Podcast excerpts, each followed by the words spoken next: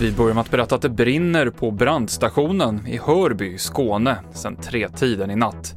Personal från flera andra stationer bekämpar branden, men byggnaden verkar inte gå att rädda.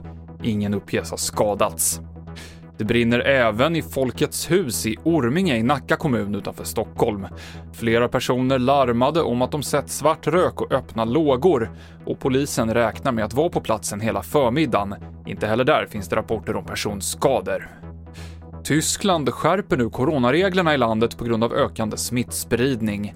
Det handlar bland annat om fler platser där man måste använda munskydd och att färre personer får samlas samtidigt.